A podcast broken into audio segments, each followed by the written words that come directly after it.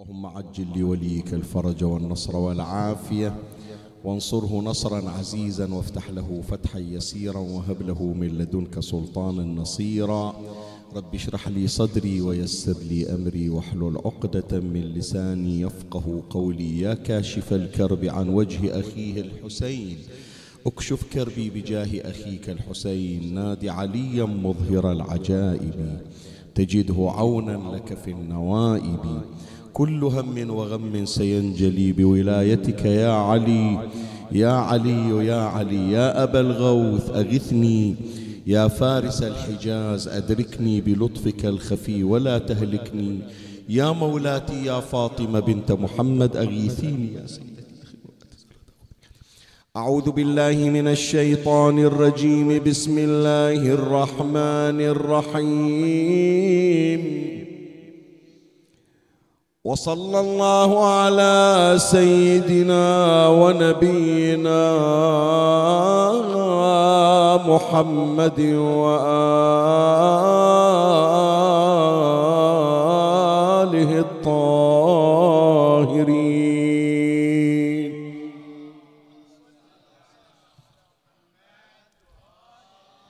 إن الله وملائكته يصلون على النبي.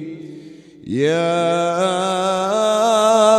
أيها الذين آمنوا صلوا عليه وسلموا تسليما.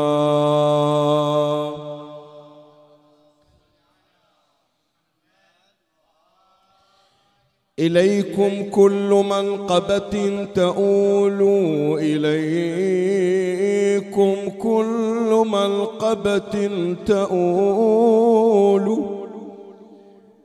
إليكم كل منقبة تؤول إذا ما قيل جدكم الرسول وفي مدح لكم قرآن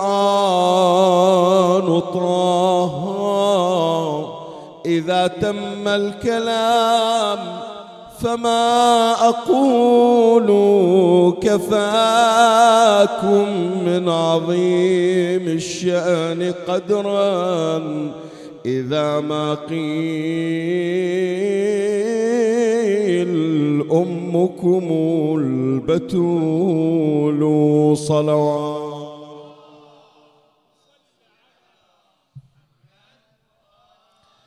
مولاي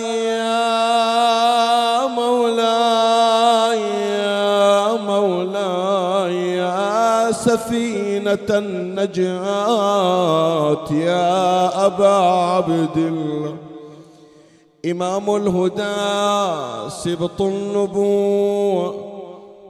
إمام الهدى سبط النبوة والد الأئمة.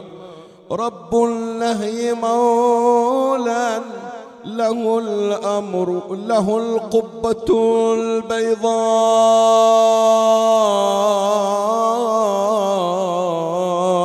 بالطف لم تزال تطوف بها طوعا ملائكة غر وفيه رسول الله قال وقوله صحيح صريح ليس في ذلكم نكر حبيب ثلاث ما أحاط بمثلها وصي فمن زيد هناك ومن عمرو صلوات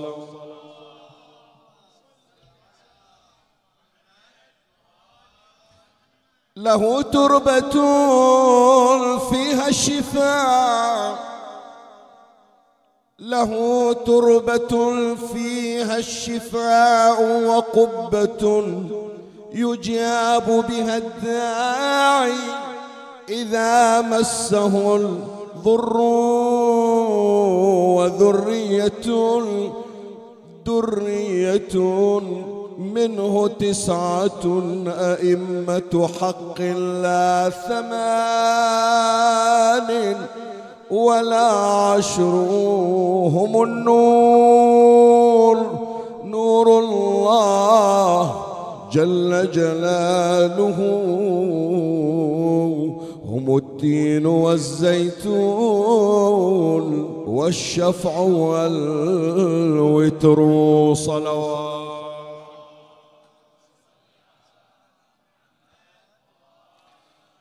قال سيدنا ومولانا رسول الله صلى الله عليه وآله والذي بعثني بالحق نبيا. إن الحسين بن علي في السماء أكبر منه في الأرض. فإنه لمكتوب عن يمين عرش الله مصباح هدى وسفينة نجاة وإمام خير ويوم وعز وفاخر وبحر علم وذوخر جعلنا الله وإياكم من المتمسكين بحب الحسين وولايته وقضى حوائجنا وحوائجكم بحقه ورزقنا وإياكم في الدنيا زيارته وأدخلنا الجنة بشفاعته لروح إمامنا ثلاثا بأعلى الأصوات الصلوات.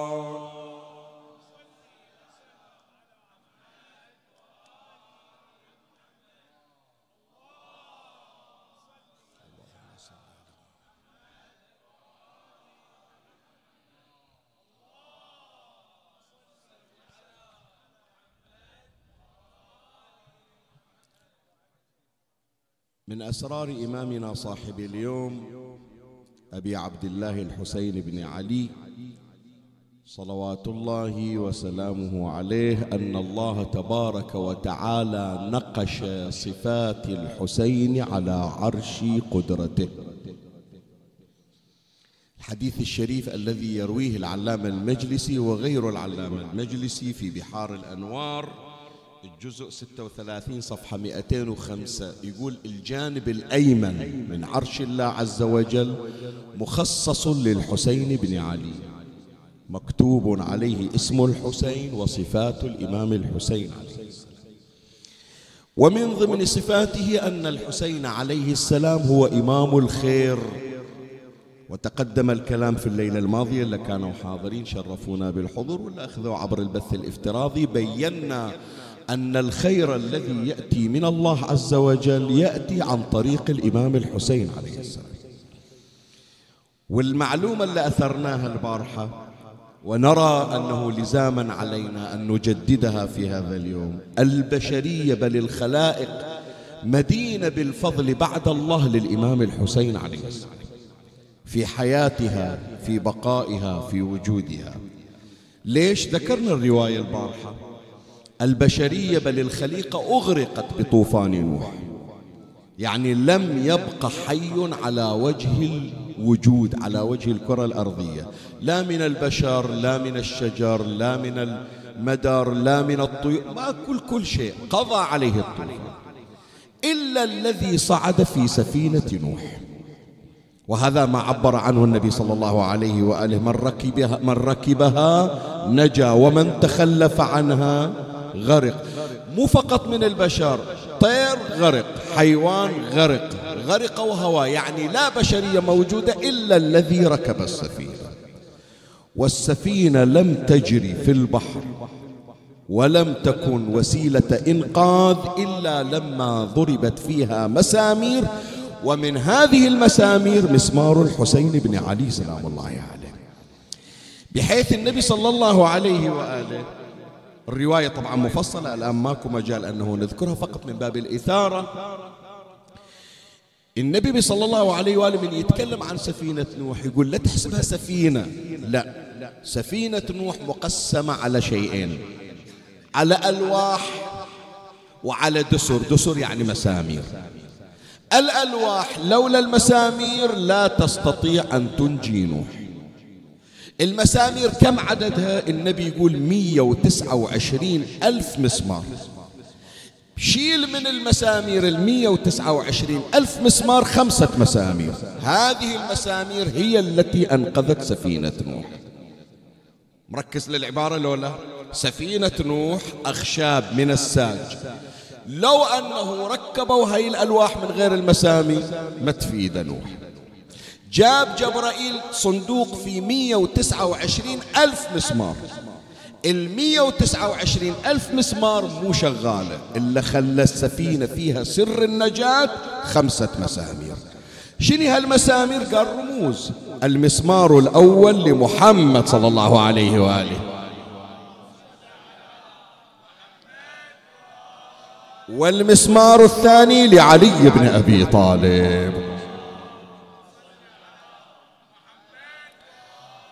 والمسمار الثالث لأم الأئمة فاطمة عليها السلام. والمسمار الرابع لكريم أهل البيت الحسن الزكي. والمسمار الخامس مسمار النجاة لسفينة النجاة أبي عبد الله الحسين بن علي السلام. فآخر مسمار من 129 ألف مسمار ضرب في سفينة نوح وكان سببا في تحركها ونجاتها هو مسمار الحسين ابن علي. اللهم صل على محمد وعلى محمد. وعليه يا إخواني البشرية اللي إجت بعد الطوفان اللي هم من سلالة الذين صعدوا مع نوح 313 إلا منهم نزلت الحيوانات ونزلت النباتات ونزلت الطيور ونزل البشر والبشر طلع منهم موسى ابن عمران وطلع منهم فرعون وطلع منهم أبو جهل وطلع منهم محمد صلى الله عليه وسلم. كل هذه البشرية إلا إجت مدينة بالفضل إلى مسمار الحسين الذي أنجى سفينته اللهم صل على محمد. فلهذا يا أحبائي هنيئا لكم هذا التوفيق من الصبح جايين في مجلس مولد الإمام الحسين عليه السلام مو فقط من أجل الثواب والأجر. لا وإنما لتقديم العرفان والامتنان والشكر للحسين لأن كل خير أنت فيه ببركة الإمام الحسين سلام الله عليه.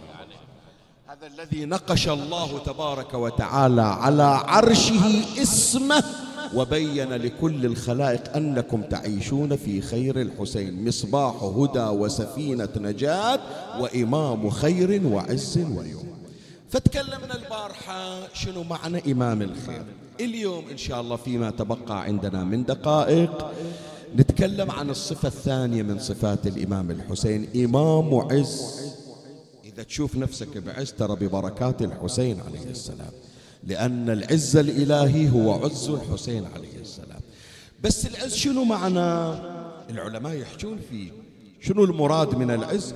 الراغب الإصفهاني في كتابه مفردات غريب القرآن ذكر أكثر من معنى إلى العز. إحنا راح نشير إلى معنيين في دقائق يسيرة وكيف أن الحسين عليه السلام هو عز الله الحقيقي. في هذين المعنيين ومن الله استمد العون والتوفيق. ومن مولاي أبي الفضل العباس المدد ومنكم ألتمس الدعاء. وثلاثا بأعلى الأصوات صلوا على محمد وآل محمد.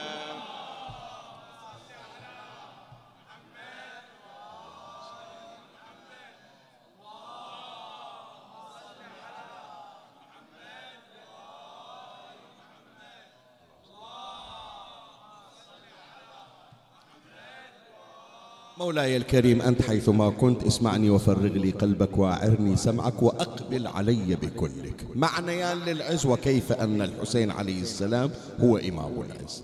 أما المعنى الأول للعز من يقولون واحد عزيز يعني شنو؟ يعني له هيبة وله جاه. العز بمعنى الهيبة والجاه. في قبال الذل يعني من ليس له جاه وليس له قدر. يقولون فلان ذليل يعني ما حد يقدره ما حد يوجبه. ومن يقولون فلان عزيز يعني له وجاهة بين الناس. وهذا المعنى هو الذي أشار إليه كريم أهل البيت أبو محمد الحسن عليه السلام. كلكم تحفظون الحديث. إذا أردت عزا بلا عشيرة وهيبة بلا سلطان فاخرج من ذل معصية الله إلى عز طاعة الله. وجاهة يعني المعزة يعني وجاهة. ومن الله يريد يعطي واحد وجاهة في تمام الوجاهة يعطيه عز الحسين عليه إيه وجاهة الحسين يا وجيها عند الله. اشفع لنا عند؟ اللهم اجعلني عندك وجيها بمنو؟ وإلا يا رب عطني جاه وانتهت. لا أكو جاهات جاه المال جاه المنصب جاه العلم جاه. كل هذا موجود. لكن الجاه الحقيقي جاه الحسين عليه أذكر لك رواية من أجمل الروايات. اليوم هذا يوم مولد الإمام الحسين عليه السلام. المرضى المعلولون اللي بالمستشفى اللي عندهم أمراض الله أجيرنا وياكم أمراض خبيثة مستعصية اللي ينتظرون عمليات خطيرة المحروم من الذرية. خليناهم على سفرة الإمام الحسين عليه السلام. وراح أبين لك شلون الحسين حنون. إي والله. شوف عم اسمع إيش أقول لك؟ هذه خليها افتتاحية لل... للرواية. مرة جنابك تروح تراسل مستشفى وتراسل طبيب والله عندنا مريض. كل ما عرضنا على الأطباء والمستشفيات يقولون ما إلى علاج. الطبيب شي يقول لك جيبه إلنا حتى نكشف عنه. ما نقدر نشيله والله ما أعرف أنا إيش تريدني؟ تريدني أطلع من المستشفى وأجيك يعني؟ دبر عمرك أنت. دبر عمرك شوف واحد يشيله ويجيبه إحنا مستشفانا بألمانيا بلندن جيبه ما نجيك إحنا. حسين عليه السلام لما تقول له عندي مريض ما يقول لك جيب إلي كربلاء. لا والله يطلع لك الحسين ويجي لك. حنون. والآن أذكر لك هي الرواية. الرواية يرويها العلامة المجلسي. أعلى الله مقامه في بحار الأنوار الجزء 44 صفحة 108 أكو واحدة من الشيعيات المواليات التي رزقها الله تبارك وتعالى عناية أهل البيت. وفي الأخبار أنها تعود في آخر الزمان لتنصر الإمام الحجة عجل الله فرجه الشريف. يسمونها حبابة الوالبية. إذا مر عليك هذا الاسم. حبابة الوالبية هي تسولف وتحكي. قالت كنت زوارة الحسين بن علي. زوارة يعني شنو الفرق بين زائرة وزوارة؟ زائرة راحت مرة بالسنة. كل عشر سنوات يمكن تروح مرة. زوارة يعني لا يمر عليها يوم لا تزور فيه الحسين بن علي. يعني كثيرة فعال على وزن فعال. قالت كنت زوارة الحسين بن علي عليهما السلام. قالت فحدث بين عيني وضح طلع إلها إعاقة مثل ما نقول قرحة أو إشارة أو لعله ورم والمستجار بالله بحيث هذا شوه وجهها بعد. إذا تطلع تتعرض إلى الحرج. فقعدت ببيتها ما تطلع. هي تسولف تقول قالت فحدث بين عيني وضح. فشق ذلك علي صرت ما أقدر أطلع. واحتبست عليه أياما. فسأل عني. افتح قوس حط المعلومة قدامك. الله يرزقنا وإياكم إن شاء الله زيارة الحسين في القريب العاجل. ترى خلي بالك يوم اللي تزور الحسين وترجع الظل بقلب الحسين. يوم اللي تطلع من كربلاء راجع للبلد. الحسين مثل ما تقول الرواية يسأل عنك متى بتجينا بعد؟ افتقدناك سنة ما جيت متعودين عليك الأربعينية عدنا متعودين عليك الشعبانية عدنا. السنة إيش صار فيك ما تجينا يسأل عنك هذا اللي يحب الحب الحقيقي يا جماعة. قال فسأل عني ما فعلت حباب الوالبية مو عادتها تقطعنا. فقالوا إنه حدث بين عينيها قال إنه حدث بها حدث بين عينيها. مريضة ما تقدر تطلع. شوف من أقول لك الحسين يختلف عن الأطباء. فقال لأصحابه قوموا إليها. إيه؟ اللي يزورنا عمي شايف أنت بعض الأشخاص يزورك بعدين يقطع. ها؟ قطعت قمت ما تمر علينا. قال إيه مريت عليك مرة وثنتين وثلاث ما رديت لي لزيارة فليش الحب يصير من طرف واحد؟ بعد ما أجيك تعال لي حتى أجي. ترى أنت مو أكرم من الحسين بن علي. تتعنى وتبذل نفقتك وتضايقونك من تطلع للزيارة وتحصل شدة على ما توصل. ينساها الحسين يقول كما زرتني هم أزورك. فلهذا في الحديث من زارني زرته. شوف السيد الإمام الحسين عليه السلام رب السيادة قال قوموا إليها. فجاء مع أصحابه حتى دخل عليه هي حبابة سولف. وأنا في مسجدي. قاعد على سجادته. وأنا في مسجدي هذا. فقال يا حبابة ما أبطأ بك عني. تأخرت علي مو عادتك يعني. فقالت يا ابن رسول الله حدث هذا بي. شالت رفعت الستر المقنعة من وجهها قال شوف إيش صار بوجه أبو علي. ما ترضى علي أطلع والناس تأشر علي. حدث هذا بي. قالت فكشفت القناع. شوف الحنون. فتفل عليه الحسين بن علي عليه السلام. فقال يا حباب أحدثي لله شكرا. فإن الله قد درأه عنك. المرض راح. قالت فخررت ساجدة بعد ما شافت ما عندها مراية ولا شيء بس من قال لها الحسين سجدت لله شكرا. قالت فقال يا حبابة ارفعي رأسك وانظري في مرآتك أحتاج من عندكم إلى صلوات بأعلى الأصوات. قالت فرفعت رأسي فلم أحس منه شيئا.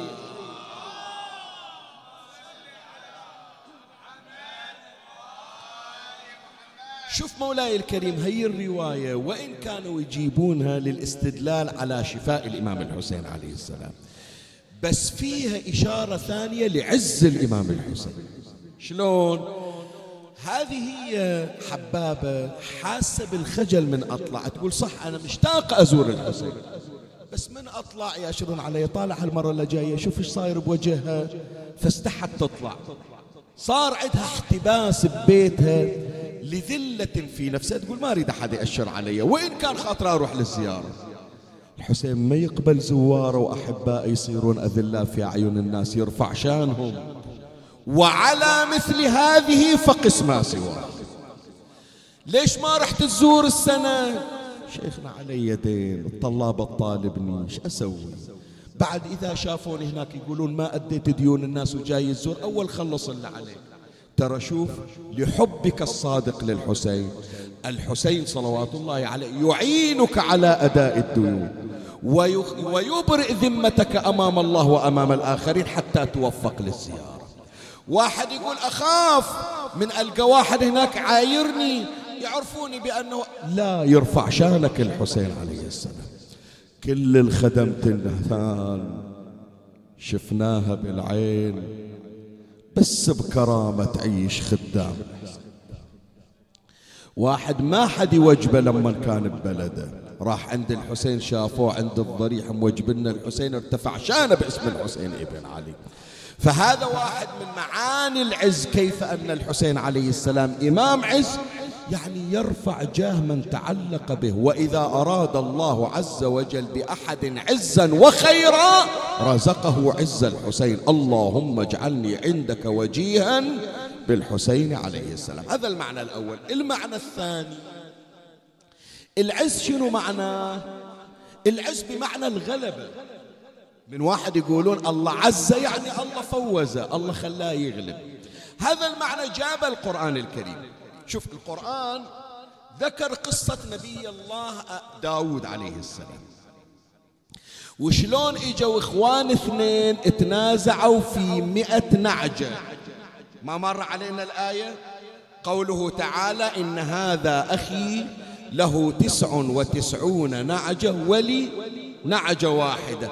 فقال أكفلنيها وعزني في الخطاب. شنو يعني عزني في الخطاب؟ المفسرون شيخ الطبرسي يقول عزني في الخطاب يعني غلبني في من يجي يتحاجج ويا كل ما أريد أبين حقي لا هو صوت أعلى من صوتي فيغلبني في الكلام. فالعزة تأتي بمعنى الغلبة. الغلبة يوم القيامة إلمن للحسين بن علي. الفوز الحقيقي يوم القيامة إلمن للحسين ابن علي. أهانوا الحسين. أرادوا إهانته أرادوا إذلاله ترى كل اللي سووا في الحسين يا إخواني بغرض إذلال الحسين عليه السلام. وهذا مو شيخ ياسين اللي يقول لا. هو إمامنا الحسين عليه السلام يوم العاشر يقول ترى أكو عندهم مشروع مو قضية المبايعة لا لا لا. شايلين بقلوبهم شنو هالجاه اللي عند الحسين؟ لا فلوسه مثل فلوسنا لا هدومه مثل هدومنا. لا بيته م... ما يدرون بأن الحسين هو خير الله. إذا أنتم عندكم فلوس ترى هي هذه فلوس الحسين. وإذا تشربون ماي ترى ماي الحسين. وإذا تتنفسون هوى ترى هوى الحسين. ما خلقت سماء مبنية ولا أرضا. بس هذا تفكيرهم هالشيء. تفكيرهم حتى اللي عاش في ذيك الفترة إلى جوار حرم الحسين هو اللي مان على الحسين يوم بنى حرم الحسين ويوم نظم مدينة الحسين. ما يعرف بأن كل خير عاش فيه هو من خير الحسين ابن علي. فكان عندهم مشروع إذلال الحسين. مو قضية خلافة ولا قضية رئاسة حط بالك. ليش الحسين إلى الآن أسر القلوب؟ ليش إحنا تسوينا هالإعلام؟ ما حد التفت إلنا والحسين الناس تقصد إلى. إلا أنزل رأس الحسين إلا أنزل خشم الحسين. أريد يجيني ما أريد الحسين مقتول. أريد الحسين يجيني ذليل عندي بالقصر ويقعد مو عندي بصفي لا. مروان أخليه على رأسه. هذا المعنى هو اللي قال الحسين عليه السلام ألا وإن الدعي ابن الدعي قد ركز بين شنو؟ بين اثنتين بين السلة. فمن هنا يا إخواني أنتم سامعين من عندي وأنا مكررينها ليش ما قتلوا الحسين من أول مرة؟ حرمل يوم رمى سهم على عبد الله الرضيع وذبحه بدال ما تقتل عبد الله الرضيع اقتل الحسين وفك روحه. وأنا قايل يا إخواني إصابة الرضيع أصعب من إصابة الحسين. عبد الله الرضيع محطوط بين ذراع الحسين وصدره وقعد حرملة فترة يدور مكان بس حتى يصيب حرملة. بينما وجه الحسين يبين عين الحسين تبين نحر الحسين يبين. اقتل الحسين أنت مالك شغل ويا الرب لا ما يريدون يقتلون الحسين يا جماعة. قتل الحسين إذا قتل الحسين صار شهيد وصار رمز. وهو يريد ذل الحسين. يريد يجيبه إلى الشام وأبى أن يعيش إلا عزيزا. أو تجلى الكفاح وهو صريع. يوم القيامة قال أراويكم يا اللي تريدون تذلون الحسين. تركتونا ثلاثة أيام على التراب وهالقبة هذه غاثة قلوبكم؟ وإلا أنت يا حسين كامل شنو عندك؟ والله تقول هو حسين وأنا حسين. وانت شغلك ويا ناس طلعوا في انتفاضة شعبانية شلك شغل ويا قبة الحسين؟ بس حتى تعرف إلا مأذنهم كل الحسين ترى. وحقك هالملايين لو تروح في طريق غير طريق الحسين أبدا دعموها ماليا. ليش إلى الحسين؟ يوم القيامة رب العالمين يقول لهم أراويكم وين وديت الحسين؟ حسين هو عزي عز الله في الحسين. وكل من تمسك بالحسين أعزه الله تبارك وتعالى. مسك الختام. هي الرواية ونختم حديثنا إن شاء الله يا إخواني نكون من أهل هذه الرواية. اليوم يوم الحسين صلوات الله عليه. الرواية عن الإمام الصادق صلوات الله عليه يرويها العلامة المجلسي في بحار الأنوار الجزء 45 صفحة 207 قال ما من عبد يحشر إلا وعيناه باكية إلا الباكين على جدي. فإنه يحشر وعينه قريرة والبشارة تلقاه والسرور على وجهه والخلق في الفزع وهم آمنون والخلق يعرضون اسمع وهم حداث الحسين قاعدين ويا الحسين يسولفون للحسين والحسين يسولف وياهم وهم حداث الحسين عليه السلام تحت العرش وفي ظل العرش وصل إلى ذاك المكان. لا نبي ولا وصي ولا ملك إلا الحسين وأتباع الحسين. قال تحت العرش وفي ظل العرش لا يخافون سوء الحساب. يقال لهم ادخلوا الجنة فيأبون ويختارون مجلسه وحديثه. وإن الحور لترسل إليهم أنا قد اشتقناكم مع الولدان المخلدين فما يرفعون رؤوسهم إليهم لما يرون في مجلسهم من السرور والكرامة صلوا على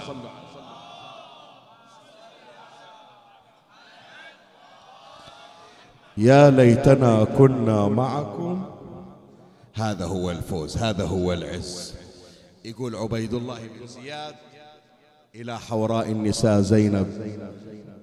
كيف رأيت صنع الله بأخيك وأهل بيتك؟ قال ما رأيت إلا جميلا.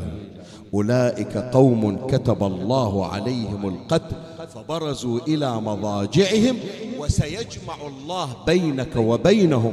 فتحاج وتخاصم. انت حافظها كملها. فانظر لمن لمن الفلج يوم القيامة ثكلتك أمك يا ابن مريم. الفلج يعني شنو؟ يعني لا تشوف روحك قاعد على كرسي وفي قصور. ترى خاسر. الفوز عند الحسين. باكر يبين إذا أنت كفو قرب من عرش الرحمن ولا أنت كفو ترفع راسك في عرش الرحمن. وحسين اتخذ من عرش الله سجادة له ومجلسا له ولأحبائه ولشيعه خلاص عمي مجلس انتهى. عدنا الله وإياكم والمولد الجاي إن شاء الله في صحن الحسين نقرأ جميعا. بس سؤال أنتم أهل بعد خلاص عمي. يقولون كبائع الماء في حارة السقاء.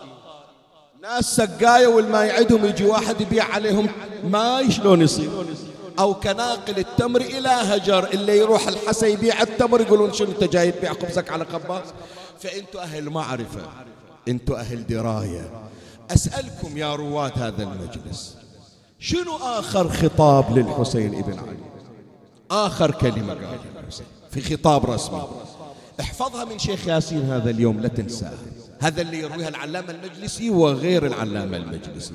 آخر كلمة صرح بها الحسين عليه السلام كتصريح رسمي بشرك بالفوز والغلب قال أنت الرابح أنت الفائز أنت الغالب. نطق حسين يوم العاشر من المحرم العلامة المجلسي يرويها في البحار الجزء 45 صفحة 116 قال أنا ابن علي الطهر من آل هاشم كفاني بهذا مفخرا حين أفخر وجدي رسول الله أكرم من مضى ونحن سراج الله في الخلق نزهر وفاطمة أمي من سلالة أحمد وعمي يدعى ذو الجناحين. منه جعفر. وفينا كتاب الله أنزل صادقا. وفينا الهدى والوحي بالخير يذكر. ونحن أمان الله للناس كلهم. فسر بهذا نسر بهذا في الأنام ونجهر. ونحن ولاة الحوض. نسقي ولاتنا. اللهم اسقنا من كفه شربة لا نظمأ بعد. بكأس رسول الله. ما ليس ينكر. اسمع هذا آخر شيء قال الحسين. وشيعتنا في الناس أكرم شيعة ومبغضنا يوم القيامة يخسر صلى الله عليه وسلم.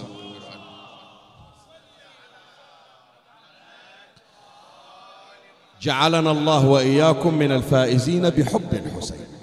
ورزقنا الله وإياكم رضا إمامنا الحسين بن علي. وأعادنا وإياكم على إمثال هذه المناسبات في خير وعافية تبشرونا بقضاء الحوائج. نقرأ المولد الشريف بأعلى أصواتكم. صلوا على محمد وآل محمد.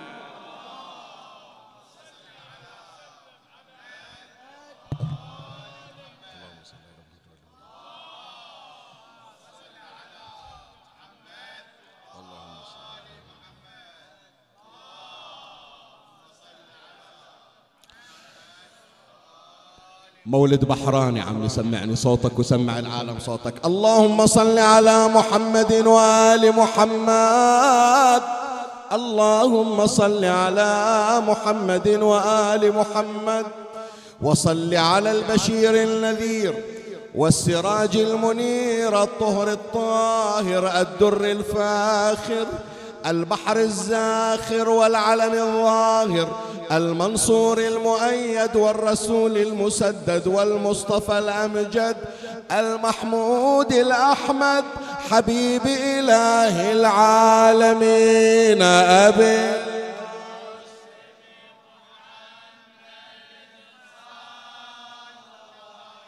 أحسنتم. وفي هذا اليوم المبارك ولد إمامنا ثالث الأئمة وسراج الأنوار في الظلمة وسفينة نجاة الأمة شفيع المذنبين وحلية المؤمنين. أبو عبد الله الحسين بن علي صبط نبينا.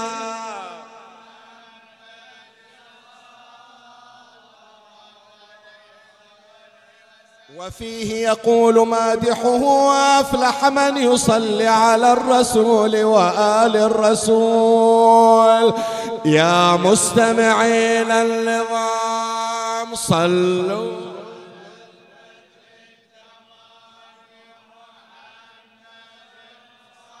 اللهم صل خصه الله. ذو العلا من لدنه بمعال تنفي النظائر عنه. هو من كانت الأئمة منه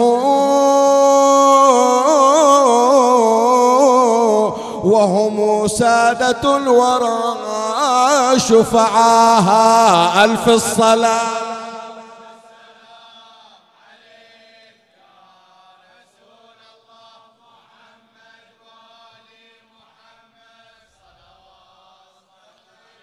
اللهم صل على محمد وآل محمد روى العلامة السيد البحراني في مدينة المعاجز.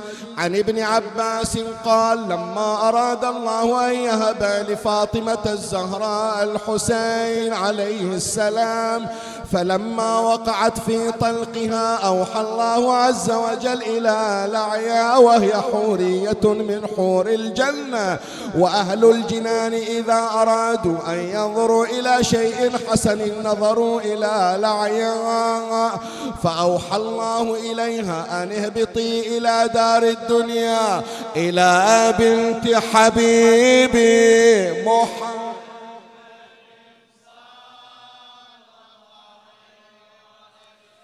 فآنسي لها وأوحى الله إلى رضوان أن زخرف الجنة وزينها كرامة لمولود يولد في دار الدنيا وهو حبيب النبي.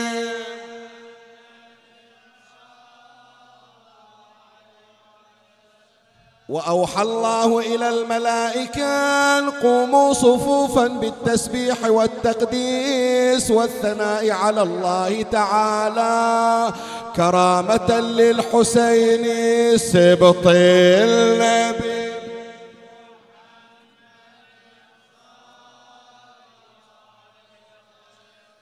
وأوحى الله إلى جبرائيل وميكائيل وإسرافيل أن اهبطوا إلى الأرض في قبيل من الملائكة. كل هذا فرحا بمولد حبيب رسول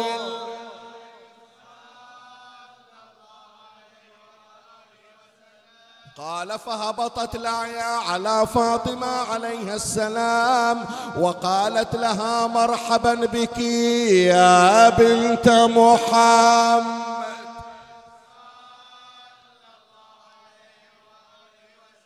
كيف حالك؟ قالت لها بخير ولحق فاطمة عليها السلام. الحياء من العياء لم تدر ما تفرش لها. فبينما هي متفكرة إذ هبطت حوراء من الجنة ومعها درنوك من درانيك الجنة. فبسطته في منزل فاطمة فجلست عليه لعيا. ثم إن فاطمة عليها السلام ولدت بالحسن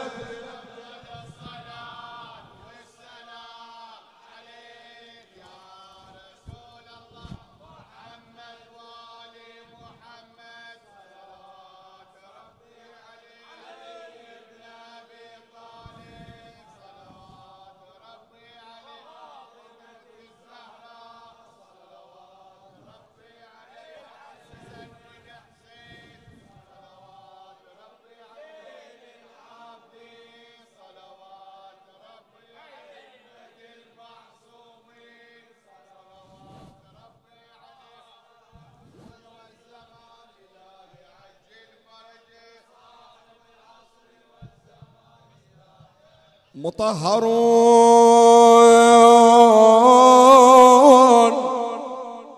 نقيات ثيابهم تجري الصلاة عليهم أينما ذكروا.